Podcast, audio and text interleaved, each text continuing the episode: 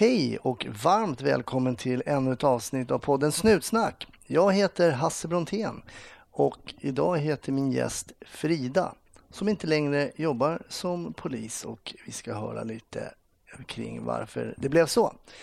Frida kommer också berätta en historia om någonting som tyvärr är alltför vanligt, nämligen självmord.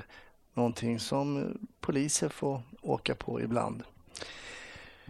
Ja, glöm inte att Snutsnack har sin livepodd den 3 september. Vi var ju tvungna att skjuta fram den på grund av corona och eh, det finns fortfarande biljetter kvar och vi hoppas ju att de släpper det här 50 personer så att vi kan vara där fler än så. Gå gärna in på snutsnack.se och kika lite. Annars så är du ju alltid varmt, varmt välkommen att följa oss på Facebook eller Instagram. Och jag skulle bli väldigt glad om du gick in på iTunes om du gillar podden och lämnar en liten recension där och kanske trycker på prenumerera-knappen också. Nej, men nu drar vi igång det här avsnittet. Var försiktiga där ute allihopa och ha en riktigt trevlig lyssning. 1310 1070 kom. 1310 Odengatan kom. Ja, det är uppfattat. Vi tar det. Slut. Bra. Klart slut. Varmt välkommen till Snutsnack Frida. Tack, så mycket. Hur mår du? Jag mår bra faktiskt.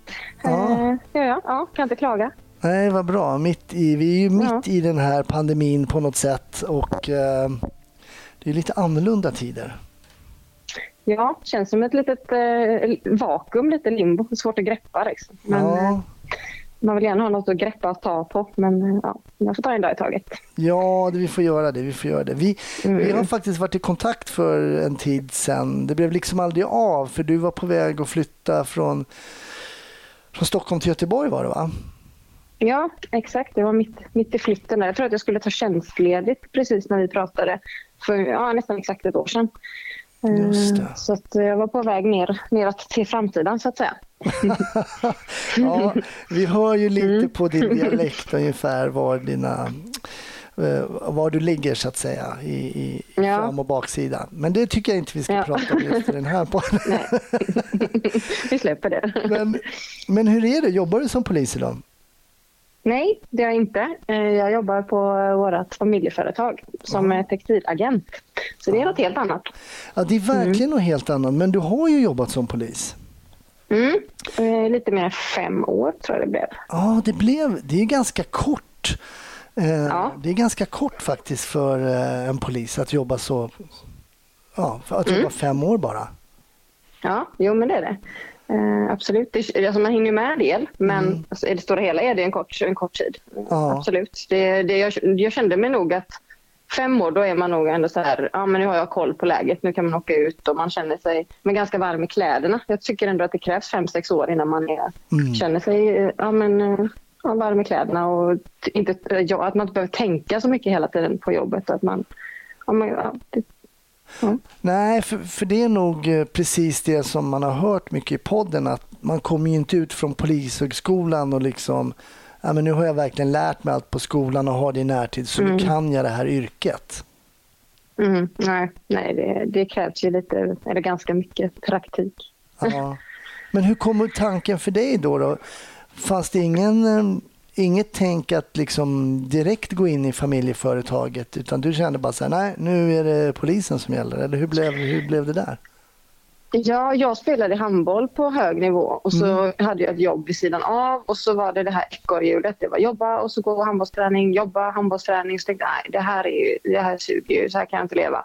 Mm. Så tänkte jag, är en lagspelare, eh, klyschigt men sant, så tänkte jag med polis där jobbar man ändå grupp och man samarbetar och Eh, man får liksom, ja, det känns ändå som ett, ett roligt jobb tyckte jag. jag. jag. tänkte inte efter så mycket utan jag tänkte jag söker så ser vi. Mm. Eh, och så gick det hela vägen då och sen så, jag är en ganska impulsiv människa så tänkte jag men kul. och så kom och så blev det så. Ja. Och så flyttade jag till Växjö, pluggade där 2012 till 2014. Ah. I världens roligaste utbildning. Alltså det är jätte, jättelärorikt och man lär sig hur mycket som helst om sig själv och får vänner för livet och sådär. Så jag ångrar absolut ingenting. Vad, vad, skulle du säga att du lärde dig om dig själv då, liksom, eh, under själva utbildningen?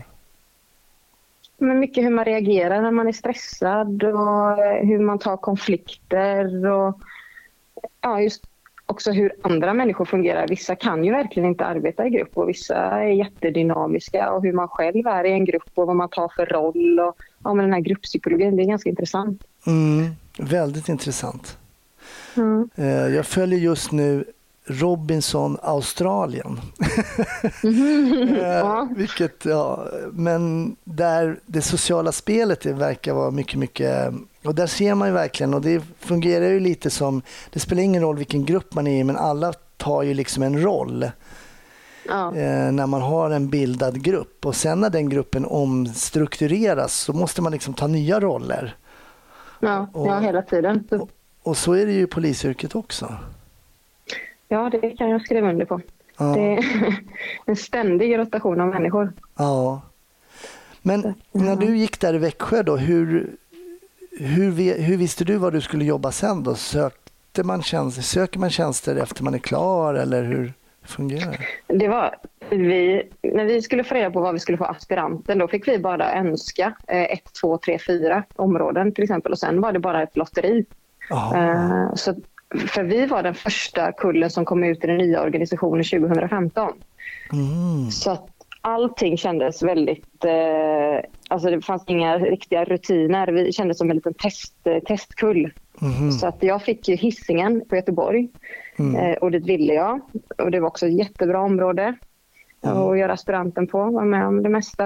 Eh, högt och lågt liksom. Mm. Och sen, sen, så var det något som hette mapptest man fick göra. Eh, det var något slags personlighetstest mm. där det var eh, frågor eh, som till exempel att vara fördomsfri är ett moraliskt förfall. Ja eller nej? Mm. Jag gillar att ha fina saker omkring mig. Jag tycker om, när, jag tycker om klassisk musik. Alltså så helt irrelevanta frågor. Så man satt ju där och bara, jag gillar väl klassisk musik då. Och så tyckte man... Vad skulle det här leda till? Då?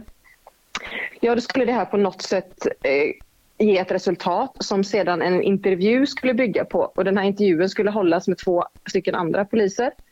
Och den intervjun skulle också eh, sammanställas med din bedömning från handledare. Så det var tre stycken eh, staplar. Liksom. Det var mapptest, intervju och bedömning. Och, och, så då fick du ett slags poäng och på den poängen sökte du då eh, eh på din eh, polisanställning sen runt om i landet. Så, och konkurrerade du med andra aspiranter och andra redan färdiga poliser som var ute i landet. För de fick också söka våra tjänster. Aha. Så det var ju ganska hård konkurrens. Just det. Eh, så jag vet att i eh, Göteborg var det jättesvårt eh, att komma in för de det är ju många som var ute i landet som ville hem så att säga. Mm. Så, så att jag kom då till nordvästra Skåne. Okej. Okay. Mm, och det fick jag reda på ungefär kanske två veckor innan jag var godkänd aspirant. Så då var det bara att börja leta efter bostad på Blocket. Ja, det. Och ta sitt pick och pack. Och så fick jag då Landskrona som stad att jobba i. Just. Ja, Vad visste du om då... Landskrona då? då? Ingenting. Nej. Förutom att min eh, mormor bodde där när hon var ung. Det är typ det enda jag visste.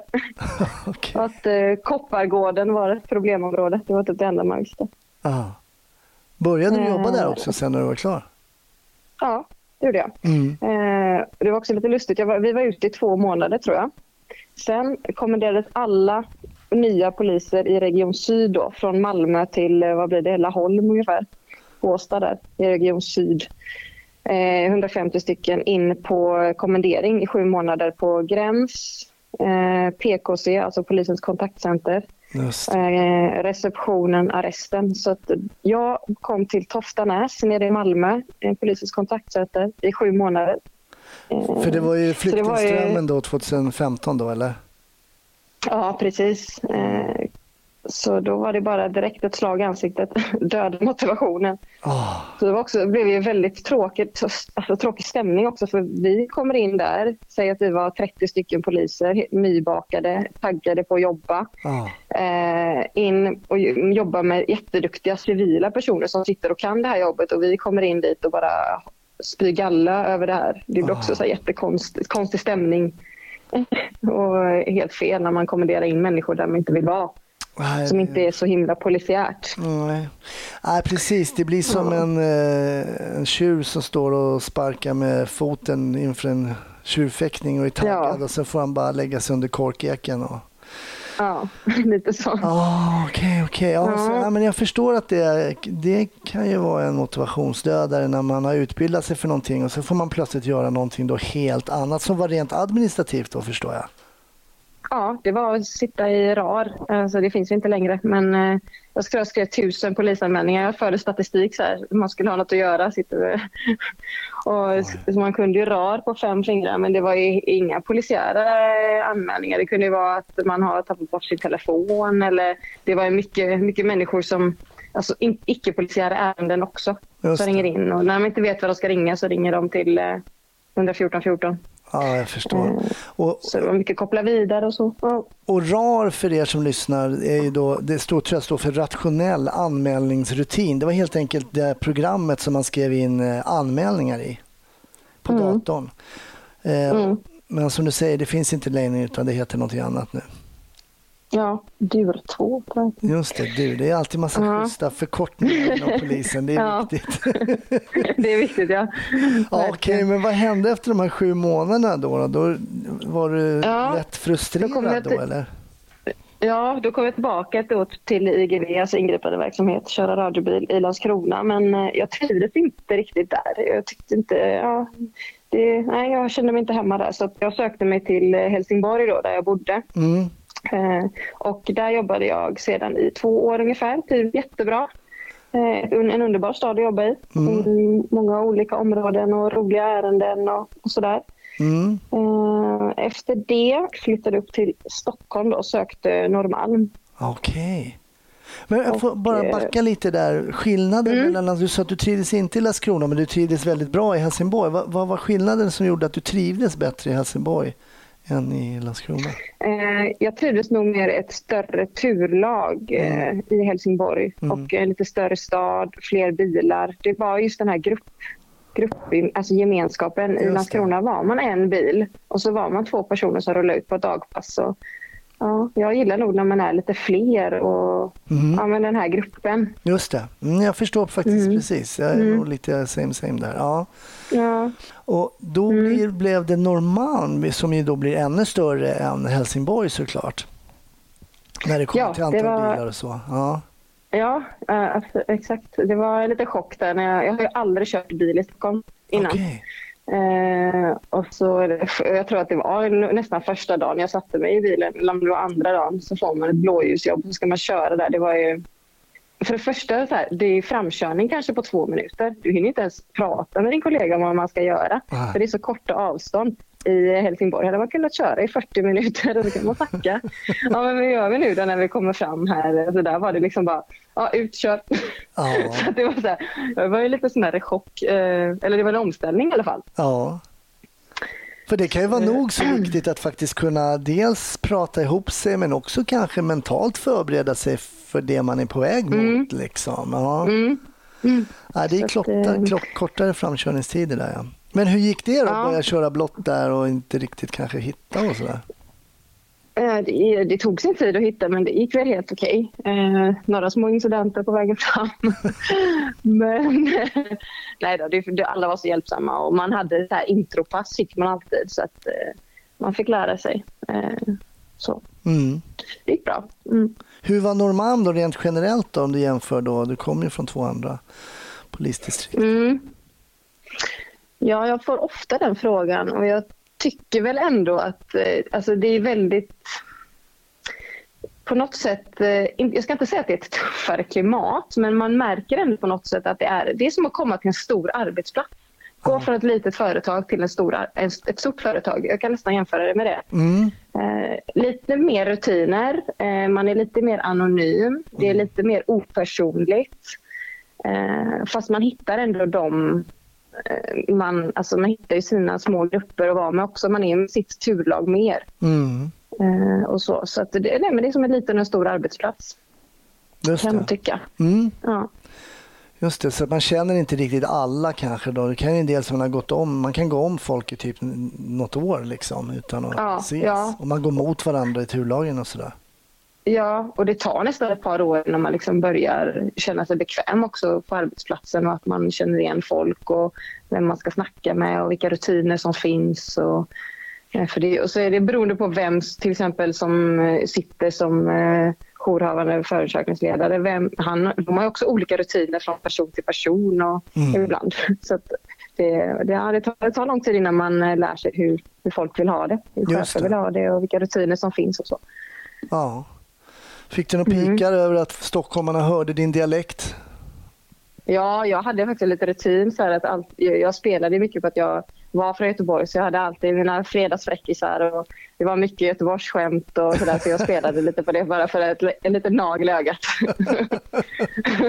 jag tror de gillade det. ja. Ja, ja, det finns väl någon, någon så kallad hatkärlek kanske. Ja, eh, ja. Mellan Stockholm och Göteborg såklart. Ja.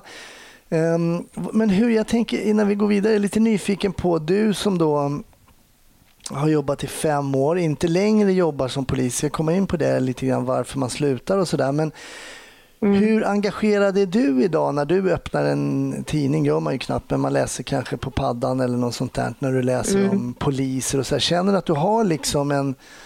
Finns det någon ådra av polis kvar i dig? Jo, det finns det absolut. Men jag har faktiskt släppt det snabbare än vad jag trodde. Mm. Eh, jag läser knappt nyheter längre och det gjorde jag nästan inte när jag var polis heller. För man matas ju och matas och matas idag. Så att, eh, jag har alltid varit sån. Jag söker den information jag vill veta och mm. så eh, är jag nöjd med det. Jag öppnar inte så mycket Aftonbladet och de här tidningarna. Nej. Men jag känner med poliser när det händer någonting och när det så. Men jag har släppt det snabbare än vad jag trodde faktiskt. Men det, man saknar ju den här identif alltså identifikationen att vara polis. Ja. Det är ändå en stor, stor del av ens personlighet och det blir en liten identitetskris när man slutar. Mm. Jaha, vem är jag nu då? Det var det man kunde liksom. Just det. Men är det så inte så att ja. även andra har lite svårt att släppa för så tycker jo. jag det har varit för mig än idag. Nu är det över tio år sedan jag slutade. Så bara, men du som är polis, bara, men nej. Ja. det var väldigt länge sedan. Jo, men så är det sitter kvar liksom. Ja. ja. Ja, absolut. Alla säger du som varit polis eller du som varit polis. Det är alltid så. så att, eh, men vad var det du tänkte att du skulle få svårt att släppa? Var det att kolla alltså, den här polisblicken, liksom, kanske bilar och alltså, mis folk som går in i, sin, i den lokala liksom, butiken eller lite... var, mm. liksom, var det just det där snuttänket liksom, eller vad var det du tänkte att det skulle vara svårt att släppa? Jag vet faktiskt inte. Svårt, man, för man är ju lite sitt yrke. Man liksom faller in i det på något mm. sätt. Man ställer in sig. Okej, okay, nu är jag polis och så lever man lite efter det. Mm. Eh, för att det är så himla speciellt yrke.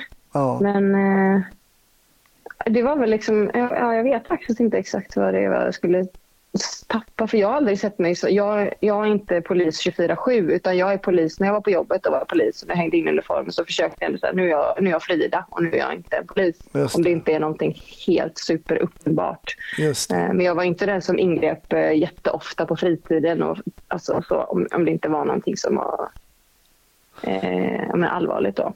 Just det, lite som en... stanna en bil privat liksom. Nej, nej, jag förstår. Ja, men lite sådär, jag, jag, jag, jobbar som polis. Liksom så. Alltså, ja, ja, det, ja. Jag är polis, precis. Nej, ja. men jag förstår vad du menar. Mm. Mm. Ja, I och med att jag jobbade mycket på krogen, ja, det där släppte jag också sen. Att mm. man inte behövde stå och kika på folk som Nej, och det är ganska skönt. Fippla med, med fingrarna och sen Ja, det är ganska skönt. Ja. man ser ju det, men man får ju bara skaka av sig det. Och ja. liksom, nej, du är inte det längre. nej. Men hur många år var det du var liksom, du var i Helsingborg, var det två år, sa du det? Ja, och sen... två, ja, två år. Sen i, eh, på Norrmalm i två och ett halvt tror jag. Just det. Uh, ja, och så en sväng Lördagskrona på Toftanäs på PKC. Ja, just det. Precis, precis. Men hur rullade det på där då på Norrmalm? Liksom? Med jobben. För det är också, du berättade till Helsingborg kan man åka 40 minuter men på Norrmalm så är det mm. inga 40 minuter. Alltså, det måste skilja sig också jobbmässigt. Ja, det var ju väldigt mycket, alltså mycket ärenden på en dag. Eh, du kunde ju ha ett pass med bara fem stycken lobbar, alltså eh, fulla människor som skulle omhändertas. Ja. ja. Så att eh, det där kunde ju bara diska av ärende efter ärende och det var ofta ganska korta ärenden. Eh, men, eh, ibland var det också jättelånga men det var ju otroligt mycket att göra. Det var ju sällan du hann nosa upp något själv eller sätta upp en trafikkontroll om det inte var planerat innan dagen. För då blir du alltid avbruten. det var ju ja, nio tio gånger så går RLC, alltså radion, ut med ja, då har vi inga lediga resurser, då får man åka. Ibland kändes det lite omotiverat när man precis ett, kanske en trafikkontroll eller man skulle göra stanna en egen bil eller så, så blir man alltid avbruten av något annat mer eh, prioriterat ärende. Just det. Mm, mm. Det, det, var ganska stor omsättning på jobb då? Ja, jo men det var det. Mm. Och eh, vi fick ofta ta in resurser utifrån länet. Om, det, om, det, om det hände något stort i så drog det ofta det mesta, de mesta resurser. Då får man ta in eh, resurser utifrån länet. Det är väl därför, och då fick de ta alla sittande, till exempel omhändertagna och sådär. Det är väl därför alltid Norrmalm har ett rykte att det bara är omhändertagna berusade personer och eh, snatterier. Mm. Men det här ryktet då som Norrmalm har, så det är så tuff, det är så tuffa poliser som är där. De är så... Mm. Hur, hur, nej, jag tr- det, nej, det tycker jag inte. Det, det sitter nog lite i väggarna. Det är nog på väg att tvättas bort, tror jag. Eh, första dagarna när jag kom så mm. tänkte jag så här, gud vad alla har koll på läget. Alltså alla är så himla inte, alltså, duktiga och pålästa. Så jag, tror att jag, det kändes som att de flesta ville ge ett sken av att vara det också. Eh, sen så, ja, de är också duktiga såklart, men jag trodde att alla hade jobbat kanske fem sex år längre än vad de egentligen hade. Mm. Eh, den känslan fick jag i början. Eh, okay. Sen så när man lär känna folk så eh, är de ju superödmjuka och jag trivdes jätte, jätte, jättebra där. Eh, men det, jag vet inte om det är för att det är mycket, mycket folk, man måste ta plats, annars syns man inte. Mm. Och om man liksom vill visa framfötterna så ska man, måste man visa det och, och så. Nu har det ju varit eh, stora demonstrationer. Det började ju med den här killen då, George Floyd som blev avled efter ett polisingripande då i Minneapolis och sådär. Mm. Och så har man ju haft demonstrationer både i Stockholm, Göteborg och Malmö och också liksom med ganska mycket, man ser att det är ganska mycket kopierat från USA. Alltså till och med skyltarna står ju på engelska nu i de här svenska demonstrationerna. Det är liksom dels då det, det är det här han killen sa idag, I can't breathe och sen så är det, men även andra mm. skyltar som är defund the police, A-cab mm. då, all cops are bastards och så bilder mm. på poliser som är grisar och så vidare och så vidare och poliser är rasister mm. och sådär. Vad kände du av liksom eh, rasismen och eh, eventuellt sexismen inom polisen eh, när du jobbade där? Ja, alltså jag tycker inte att det var rasism inom kåren. Nej. Absolut inte. Eh, sen så det som vi möter varje dag, det blir ju våran verklighet. Mm. Så det är klart att ett, det är ju en överrepresentation av utlandsfödda som vi möter, men det beror inte på rasism utan det beror på hela samhällsstrukturen. Mm. Eh, att, den är, att den är skev. Eh, men jag kan inte säga att jag upplevt rasism inom, eh, inom kåren, absolut inte. Eh, kände du, någon gång, kände du någon gång att du ingrep annorlunda beroende på var folk kom ifrån? Eller ja, jag ingrep de, annorlunda. Eller hur, eller hur de, beroende på hur folk såg ut eller vad de hade för ursprung och sådär? Nej, nej verkligen inte. Alltså man, man ingriper på grund av en persons handlingar, inte av hur den ser ut. Om det är en svensk man 50 plus som beter sig exakt likadant som en uh, mörkhyad man i 50 plus, det har liksom ingen skillnad. Nej. Så att, uh, nej, det skulle jag inte lägga någon värdering i. Okej, ah, okej, okay, okay, det är intressant. Och in, sexism då? Mm. Det, för det är där komma, då var, du var väl ändå relativt ung då? Mm. Som ung alltså, tjej liksom och sådär. Hur var det att komma in i en ganska, ett ganska mansdominerat yrke får man väl ändå säga? Ja, eh, jag tycker att eh, på små orter där mm. det har jobbat kanske äldre män länge, där kände jag av att det var lite mer lilla gumman-syndromet. Det var så här, kan du köra bil och klapp på huvudet, lilla blond, blond tjej. Oh. Eh, men inte i storstäder, eller inte i Helsingborg och inte i Stockholm. Men jag kunde känna det i Landskrona faktiskt, eh, oh. emellanåt. Oh. Och av vissa personer då. Just det. Ja, ja faktiskt. Hur tycker du att du har blivit bemött som polis och när du har varit ute och jobbat sådär? Eh, ja, det är ju, man har ju fått spottloskor i ansiktet och alltså, tillmälen högt och lågt såklart. Men ofta är ju de personerna inte vid sitt sinnesfulla bruk. Nej. 99 procent så är de beroende eller, eller berusade av något slags substans, alkohol, droger. Mm. Och sen, eh, så att det, det är klart att det förekommer mm. hela tiden. Men träffar jag en nykter eh, vanlig, man säga, inom parentes, människa mm. på stan så är det ju tio tio gånger ofta trevliga personer. Jag tycker att överlag så är de flesta väldigt eh, vänligt inställda till polisen. Men har de här tillmälena då, som till exempel jag när jag var 21, 22, aldrig, det var aldrig någon som någonsin hade kallat mig för rasist till exempel. Och det största anledningen är mm. för att jag inte är det. Men sen när man började jobba som polis så fick man ju höra mer eller mindre dagligen att man var mm. det då för att man hade gripit någon för något brott. Liksom och så och det, hur, hur, ja. hur, reagerade du på de här tillmälena som du fick och man blir kallad för både det ena och, och, och det fjärde? Liksom? Hur, vad tänkte du kring det? Om man säger rasister, alltså jag kunde inte riktigt ta åt mig det för att eh, vad den personen hade gjort, det spelar ingen roll om jag, han drar, det känns som att de alltid drog rasistkortet. Det var liksom, till slut blev det ju bara, ah, okej, okay, ja men då är jag rasist idag igen. Eh, mm man var det varje dag. Så till slut blev det, så, det var ju som att kasta alltså, vatten på en gås. Jag, det gick in och ut där. Mm. Eh, jag låg inte brottas med någon som har sålt knark för att han eller hon är mörkhyad utan det beror på vad de har gjort innan. Mm. alltså, ja, precis. Mm, så att, nej, det, det rann ganska snabbt av. Det, det blir också så, det blir så himla... Ehm, det blir så vanligt liksom, så till slut så reagerar man inte på det för man, man var ju rasist hela tiden då. Just det. Jag brukar, mm. jag brukar alltid be min gäst eh, berätta en händelse eller incident som liksom sitter kvar i minnet. Och du som inte längre jobbar som polis nu utan gör någonting helt annat. Vad har du för, för händelse som du har kvar i ditt minne? Mm. Eh, jag glömmer så himla snabbt man gör det. Men det finns ett en, en händelse som verkligen har etsat sig kvar. Jag vet inte varför. Det var nog kanske för att det var en, ett väldigt, väldigt, väldigt långt ärende. Det tog liksom hela dagen. Uh -huh. eh, men det var på Norrmalm då. Mm. Eh, jag jobbade med två andra kollegor, så vi åkte buss. Vi var tre stycken. Så går eh, RLC, alltså radion, då ut med ett eh, ärende på Sveavägen. Jag behöver inte nämna nummer. Nej. Men eh, att en man har eh, hängt sig i källaren och att det är frun och barnet då som har påträffat den här mannen. Och eh, vi åker dit tillsammans med räddningstjänst och ambulans. Och vi parkerar utanför så är det en stor, stor gallergrind eh, som räddningstjänsten har eh, brutit, eh, brutit upp och mm. gått ner i källaren.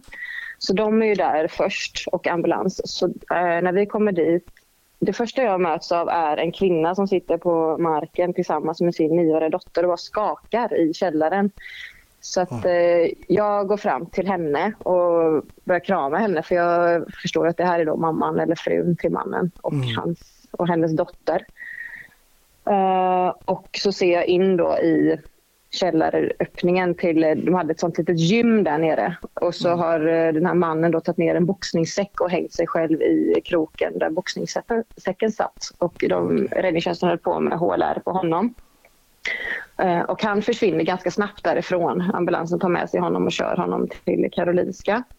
Eh, och jag sitter kvar eh, tillsammans med frun och hans, deras nioåriga dotter. Då. Mm. Hon var ju såklart hon var i trauma, liksom, satt och skakade och svettades. Så, så, så, så, säger hon det, mina andra barn är uppe i lägenheten. Så okej, okay, finns det fler barn där uppe? Ja, då har de en femåring och en elvaåring. Eh, så då går vi upp i lägenheten eh, och försöker sätta henne i soffan och hon samlar ju mycket om hon är i chock så det är mycket om hennes jobb och vad hon ska göra nu. Och oh. Man får ju bara försöka vara där och, och liksom, ja, säga att vi, vi kommer lösa det här och vi kommer åka till sjukhuset. Och, ja, det finns ju inget rätt och fel att säga utan man får bara helt enkelt finnas där och hålla henne i handen och ge henne någon slags trygghet. Eh, men man känner sig ganska obekväm med uniformen där och då för en helt okänd människa som har varit med om eh, ett stort trauma. Oh. Men så sitter hon, hon har ju väldigt behov av att prata så hon börjar ju prata då. Och hon berättar att hon och hennes man eh, ligger i skilsmässa. Hon vill skilja sig, han vill inte skilja sig. Okay. Så han har varit, varit uppgiven och skulle gå ut genom dörren och han hade på sig sina arbetskläder och jobbade på någon, som, någon slags hantverkare. Så säger han det, ja men nu går jag och hänger mig, hade han sagt. Och så hade han gått ut genom dörren och, och hon tänkte, det är bara sånt man säger. Alltså, mm. Det finns ingen som går och gör det. Han, hade, han var inte deprimerad och han hade inga tidigare sjukdomssymptom och sådär. Men så har väl den här nioåriga flickan kanske hört det, så hon säger till sin mamma, kan inte bara gå ner och titta i källaren så pappa inte hängt sig. Oj. Och då tänker den här mamman, ja, ja det, det, får vi det, det, kan vi göra då för att hon ska, liksom, att flickan inte ska tro det. Mm. Och så kommer de ner i källaren och sagt och riktigt så hänger han ju där. Oj. Så mamman försöker hålla upp honom eh, och han är ganska tung. Hon säger hela tiden han var så tung, han var så tung så hon kände väl någon slags skuld där. Oh. Så hade hon berättat för sin nioåriga dotter du måste springa upp och hämta en kniv. Så då har den här nioåriga dottern sprungit upp i lägenheten och hämtat en kniv och sprungit ner och så har de skurit ner honom då och sen har de ringt eh, polis, eller 112 då. Och suttit och väntat på att vi ska komma. Eh, och eh, ja, med denna historien så, ja, så, tänker man okej, okay, herregud, det här, ja, man känner ju bara med den här familjen att det här kommer bli en jobbig tid och så vidare. Men så eh, åker vi med, tar med oss familjen tre barn och mamma till Karolinska där vi får eh, sitta med dem i ett traumarum och det kommer in lite läkare och berättar vad som händer och då eh, hennes man han är, då, han är vid liv men eh, hålls igång med maskiner och är hjärndöd. De, men de, ja, det var, allt var väldigt oklart, men han var vid liv i alla fall. Det var det de hakade upp sig på hela tiden. Och kommer han överleva? Kommer han överleva? Oj. Och eh, ja, sitta där med dem och den här femåriga lilla killen, han det är dumt att säga att han är stämningshöjare, men han förstod ju inte vad som hade hänt. Nej. Så han ville hela tiden visa leksaker och han sa några gånger, men pappa skojar ju bara med oss. Och, oh.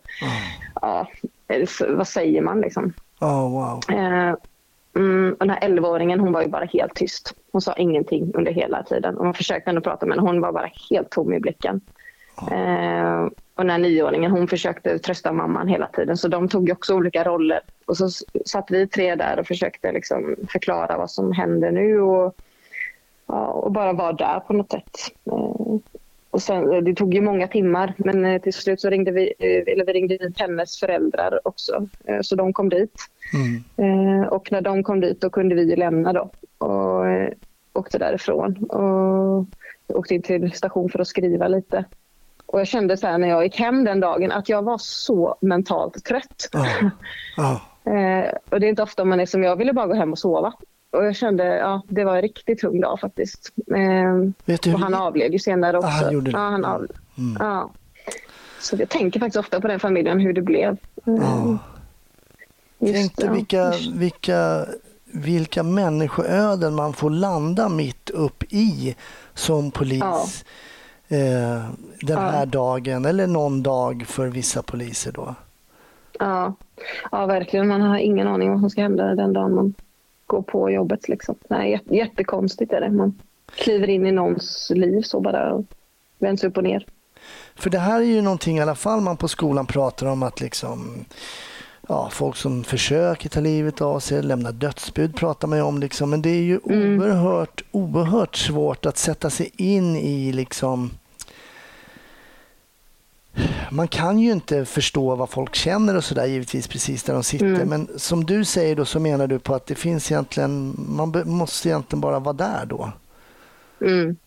Ja, och det, man kan ju inte lära sig heller att ta människor utan det är bara, man får ju bara ha någon slags medmänsklighet och det hon behövde var ju bara sitta och kramas och någon ska liksom klappa henne på huvudet och känna mm. ja, att man finns där. Det, för vad jag än hade sagt så hade det inte gjort någon skillnad för henne det finns inget där och då som skulle kunna trösta eller känna, få henne att känna sig bättre. Utan det, man får ju bara ja, vara mänsklig, alltså medmänsklig och känna empati. Och också då de här olika rollerna som du berättade att barnen tar, att man är i olika faser mm. som barn då liksom att dels oförstående, dels helt mm. förstående och sen kanske någonting mitt emellan då när mammas gråt är det viktigaste att få undan för tillfället liksom. Mm. Ja, men precis. Ja, ja att, eh, eh, otroligt mm. tragisk händelse såklart. Ehm, men kunde, ja. kunde du somna när du kom hem då? Ja, ja men det kunde jag aldrig haft problem att sova så efter jobbet. Nej, Utan, nej det gick bra.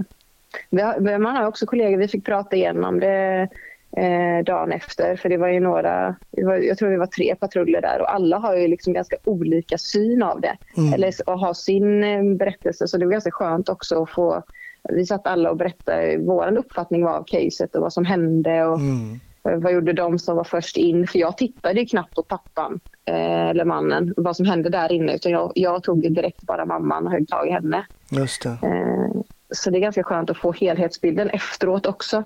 Mm. När man sitter och pratar om debriefing och, och hur jag kände och sådär. Ja, men precis. Mm. Mm. Ja, nej, men det kan man mycket väl förstå att det arbetspasset sitter kvar i ditt minne. Det var ju mm. en väldigt stark upplevelse förstår jag och någonting som väldigt få människor är med om. Eh, som tur är kan man väl säga då, då för det är ju kanske ingenting man direkt ja. önskar vara med om heller. Man får inte välja jobb. Nej, nej. Som man polis. Det. Och det är det som man på något sätt tycker kanske är spännande men det är också lite, lite läskigt kanske på samma gång ja, det är det. Men...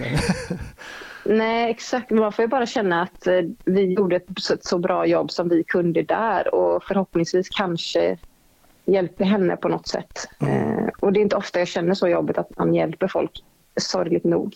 Mm. Men på sådana ärenden kan man kanske ändå känna att man gjorde någonting som alltså, i den stunden var bra. Mm. Jag vet inte, men eh, ja, får, man får försöka tänka så. Men det är tråkigt som du säger att eh, du säger att tyvärr är det inte så ofta man känner att man hjälper folk. För det är väl lite så därför man känner att man kanske vill börja jobba som polis. Att, men mm. Du berättade att man kanske bara har en dag med um, omhändertagande av berusade personer som kanske är inne i ett missbruk som man träffar mm. om och om igen. Och det, man kanske känner mm. att just min hjälpande hand idag inte kommer att rädda det här. Nej, ofta är det tyvärr så. Men hur kom då tankarna upp då? Var det kallade familjeföretaget på dig? Eh, både ja och nej. Jag, jag tycker jättemycket om att köra radiobil eller köra ingripande verksamhet. Och så, men tyvärr finns det någon slags norm att man kör inte det så länge. Speciellt inte på normal. Man kör kanske fem sex år, sen ska man göra något annat. Mm. Eh, och jag kände väl liksom inte, jag visste inte vad jag ville göra. Eh, jag sökte lite tjänster men det är ganska hård konkurrens och jag visste inte riktigt. Eh, alltså, ska jag jobba som det här tills jag blir pensionär då kommer jag ju dö när jag är 40 för det sliter ju faktiskt hårt och jag kände lite att jag började bli det som gav mig energi förut det tog nu energi. Alltid ja. trött och skiftet det slet på mig ganska mm. mycket. Mm. Uh, och jag, jag, jobbade faktiskt de sista, sista året hade jag en kombitjänst där jag jobbade varannan vecka ute på IGV mm. uh, och varannan vecka inne på krimjouren. Okay. Uh, så att det var jättebra för då fick jag verkligen ett brett, en bred kunskapsbank och lärde känna eh, jourförundersökningsledarna på ett helt annat sätt. Eh, så att, eh, det kan jag verkligen rekommendera. Mm. Men, eh, nej, men du, jag satt bara och pratade med mina föräldrar och så sa jag det att eh, eller de skulle sälja företaget och så sa de men du vill inte ta över det då? Och jag har alltid varit så här, jag vill liksom inte, jag vill leva för, eller jobba för att leva, inte leva för att jobba. Ja, det. Och det var nästan det man kände på polisen, att man jobbade, jobbade, jobbade, så var man ledig och då bara återhämtade man sig för att kunna orka jobba igen. Mm. Eh, och jag kände väl inte det här riktiga hundraprocentiga kallet som jag tror kanske krävs ibland. Mm. Eh, så att eh, livskvaliteten har höjts när jag får bestämma över min egen tid och det, det är för mig liksom värt mycket mer. Mm. Så, så, du, så, du ångrar inte ditt beslut att sluta som polis då? Nej, inte idag. Nej. Det gör jag inte. Nej. Det eh, finns klart vissa stunder man tänker åh vad kul men det stora hela gör jag inte det. Men ångrar du att du sökte polisen den där gången lite på chans? Nej, nej, nej, verkligen inte. Jag ångrar ingenting. Jag har haft, alltså det är världens roligaste jobb. Eh, och har fått vänner för livet och utbildningen har man ju alltid kvar. Alltså den, eh, den hänger med liksom. Om det skulle hända något så mm. kommer inte jag bli arbetslös inom de närmsta, närmsta åren om corona skulle sluka upp vårt företag. ja, precis. Så, men, nej, jag ångrar ingenting. Men mm. kompenserar du det här nu genom att bara kolla på polisfilmer nu? nu när du inte... Ja, hela tiden. dag in och dag ut. det är det enda jag gör. Men... Permitterad och kollar på Netflix. men, Nej, men hur, jag har hur är... aldrig varit sån. Nej, du har aldrig varit så? Nej. Eh, alltså, nu det senaste, när man kollar idag så stör man sig på väldigt mycket mm. eh, små saker som jag tror att de flesta kanske gör. Eh, och det är inte alltid så här ballt och eh, gärningsmannen är inte alltid kvar i huset när man ska åka tillbaka och leta efter lite bevis. Nej, så det händer ju inte. Så att, mm. Men eh, nej, det gör jag inte. Nej.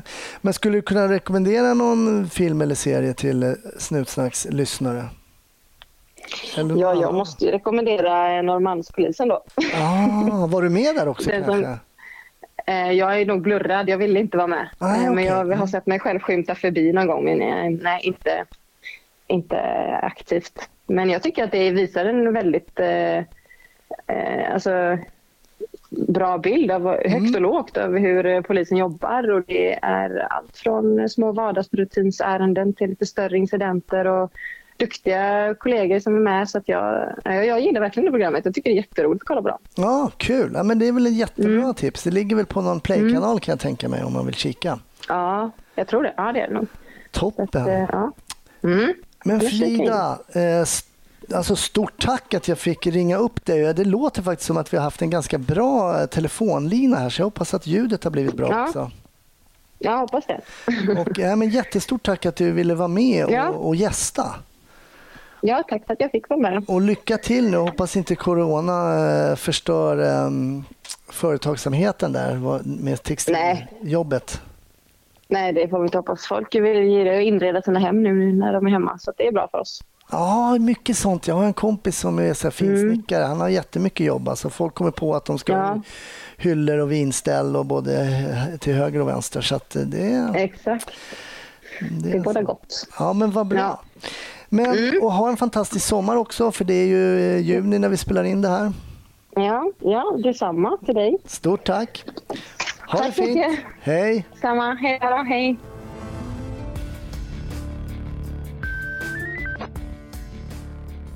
Tack för att du har lyssnat på ännu ett avsnitt av Snutsnack.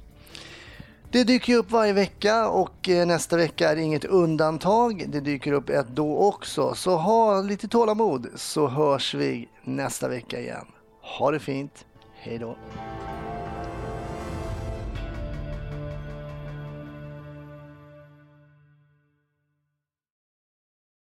Snart startar vår stora färgfest med fantastiska erbjudanden för dig som ska måla om. Kom in så förverkligar vi ditt projekt på Nordsjö Idé och Design.